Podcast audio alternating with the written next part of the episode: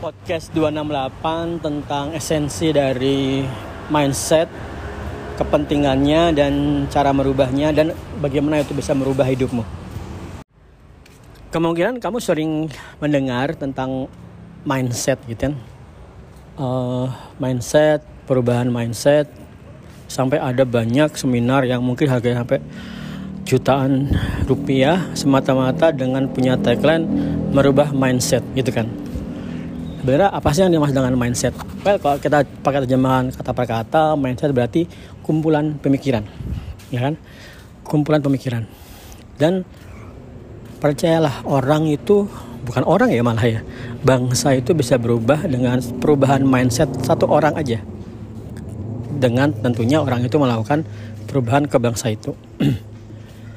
misalnya Rasulullah ya, Nabi Muhammad misalnya. Nabi Muhammad itu kan kalau kamu baca bukunya siapa ya? Duh saya lupa malah.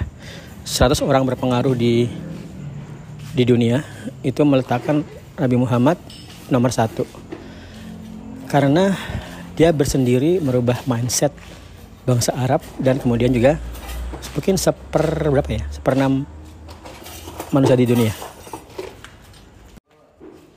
bahkan uh, ayat yang pertama yang diyakini sebagai ayat pertama yang diturunkan di Al-Quran itu ayat tentang membaca ikro ikro bismi rabbikal bacalah dengan nama Tuhanmu yang menciptakan. Jadi uh, perubahan yang dilakukan Nabi Muhammad di tahun 600, 6 sebelum 6 sesudah Masehi itu adalah bagaimana abad ke-6 ya 600 Masehi. Bagaimana mindset bangsa jahiliyah Arab saat itu berubah? Dan kalau kamu mendengar kata-kata jahiliyah bagi yang asing ya jahiliyah itu berarti benar-benar bodoh kebodohan. Bangsa yang luar biasa bodoh sampai nggak ada yang mau me menjajah kan? Bangsa Arab itu nggak ada yang ngejajah karena alamnya memang keras dan juga bangsanya bodoh. Uh, yang dimaksud bodoh tuh seperti ini misalnya ya. Misalnya misalnya ada seorang wanita di zaman itu yang dia pengen punya anak. Maka dia tinggal membuat sign tanda di depan rumahnya bahwasanya dia siap untuk punya anak. Kemudian laki-laki datang menggauli dan nanti kalau hamil ya sudah diundi aja siapa yang ayahnya. Kayak gitu. Cuma masalahnya gini ya di zaman yang modern sekarang, yang dulu jahiliyah gitu, jangan-jangan sekarang malah jadi norma atau sesuatu yang dianggap biasa, ya kan? Ya gitulah. Atau juga atau juga mereka itu uh, menuhankan sesuatu yang benda mati ciptaannya, menciptakan sesembahan dari buah-buahan kue gitu kan. Kemudian kalau udah lapar disembah, semuanya dimakan uh, atau juga mereka nentuin arah usaha itu dengan undian. Undiannya itu ada ada banyak undian di zaman saya itu ya. Judi mengundi mengundi nasib. Misalnya kalau nggak salah panah. Kalau di panah nanti ke sini berarti hal itu nggak buat usaha. Kalau arah yang lain maka bangun usaha. Kurang lebih seperti itu. Uh, nah di surat al-alaq tadi yang artinya alak itu kumbalan darah ya.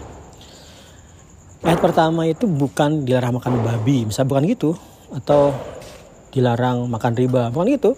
Disuruh baca aja. baca gitu aja. Kenapa? Kenapa baca? Karena baca itu akan menambah asupan pemikiran kan. Dan asupan pemikiran itu akan merubah kamu. Nah, karena itu semua usaha-usaha wira swasta, entrepreneurship, mentoring, bootcamp yang berharga murah sampai mahal itu pasti kalau benar bootcampnya pasti mengutamakan perubahan mindset dulu. Jangan buru-buru coding atau jangan buru-buru desain. Jangan. Kamu jangan seperti itu. Kalau kamu seperti itu ya udah ke YouTube aja tutorial Figma kan. Tapi di mentoring khususnya di Remote Work Indonesia yang dirubah itu adalah mindsetmu dulu kumpulan pemikiranmu tuh diubah dulu kumpulan pemikiran ini akan merubah sekali arah langkah ke depanmu dan merubah banget cara kamu melakukan sesuatu misalnya kamu dulu belajar Figma UX design ya dengan Figma. Kalau kamu belajar aja ya belajar aja bisa. Tapi kalau dibangun dulu dengan mindsetnya, bahwasanya dengan nambah skill, kamu akan bisa uh, merubah kehidupanmu. Bukan sekedar dapat job dapat job itu kalau kamu pikirkan mendalam dia akan merubah kehidupanmu. Dan terbaik dalam mindset saya, dalam pemikiran saya, merubah kehidupan itu adalah kehidupan yang tidak didikte oleh suasana dan keadaan.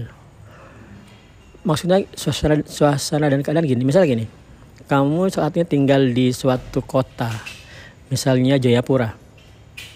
Kamu suka di Jayapura dengan alam yang indah. Saya belum pernah ke sana ya.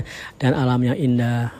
Mungkin juga kamu sebenarnya orang orang anak-anak pantai tinggal di Raja Ampat mungkin ya seperti itu bukan di Japura kamu di Raja Ampat koneksinya bagus tapi kemudian kamu berpikir untuk kerja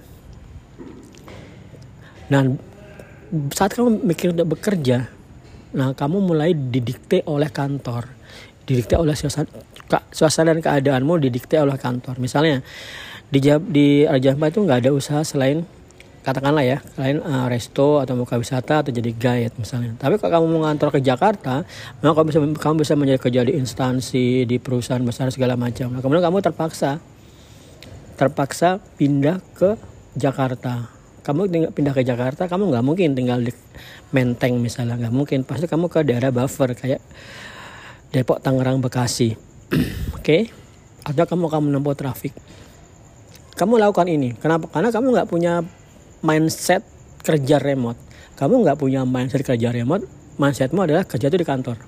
Nah di RWAD itu yang dihancurkan, itu yang dihapus dulu. Nggak ada kerja itu wajib di kantor. Kalau nggak percaya tanya COVID, ya kan? Kalau nggak percaya tanya sama COVID.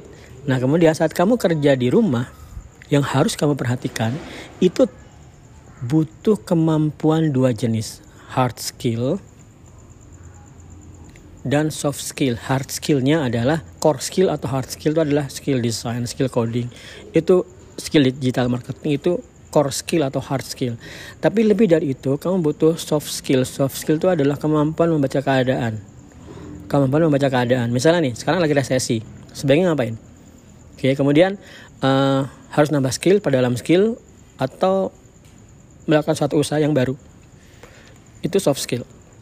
Kemudian juga misalnya gini, komunikasi. Kamu akan uh, berburu job dari perusahaan besar atau klien luar negeri. Cara komunikasinya gimana? Hmm, jam berapa? Cara nanggapinya gimana? Dan seterusnya, dan seterusnya, dan seterusnya. Ini harus dibentuk tidak bisa instan. Kamu harus bentuk ini dengan bertahap dan dengan mindset yang benar. Kalau mindsetmu nggak benar, ntar kamu balik lagi ngantor.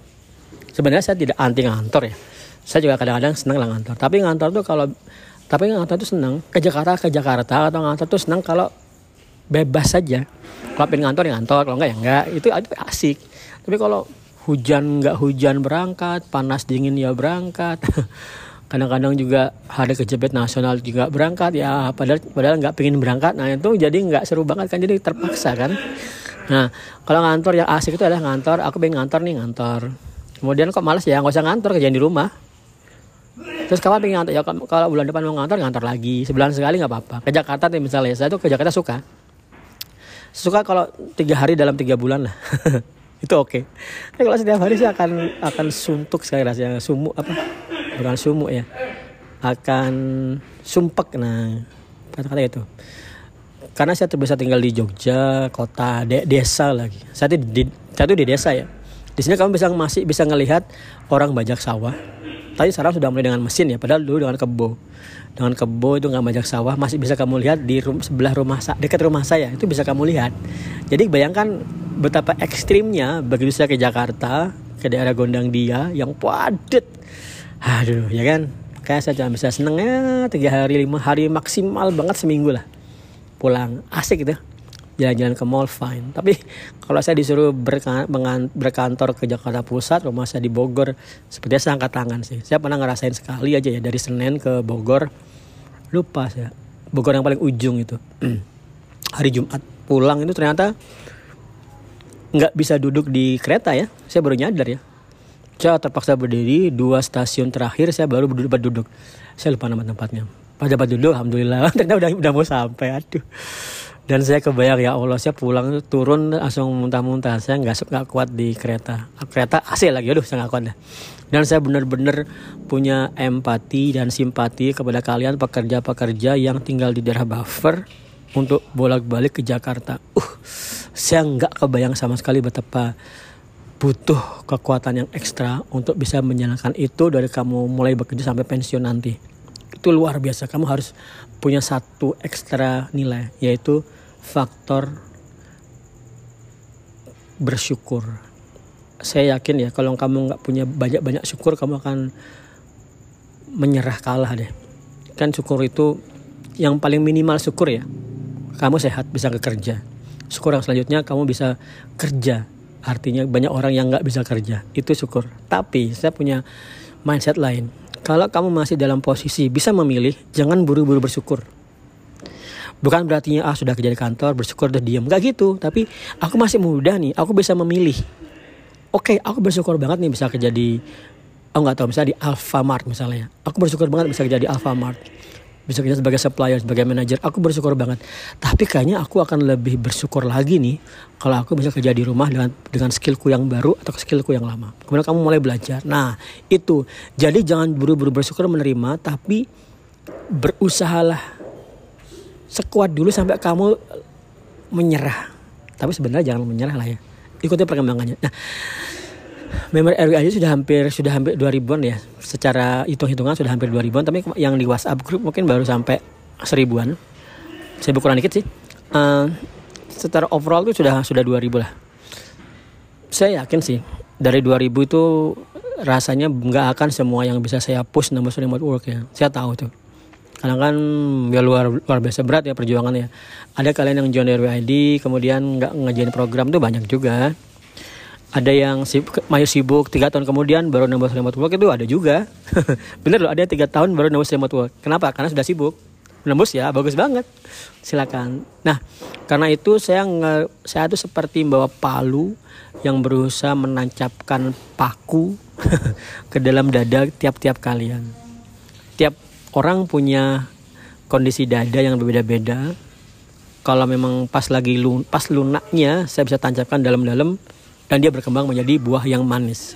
Tapi kalau lagi kerasnya saya mati-matian juga nggak bisa.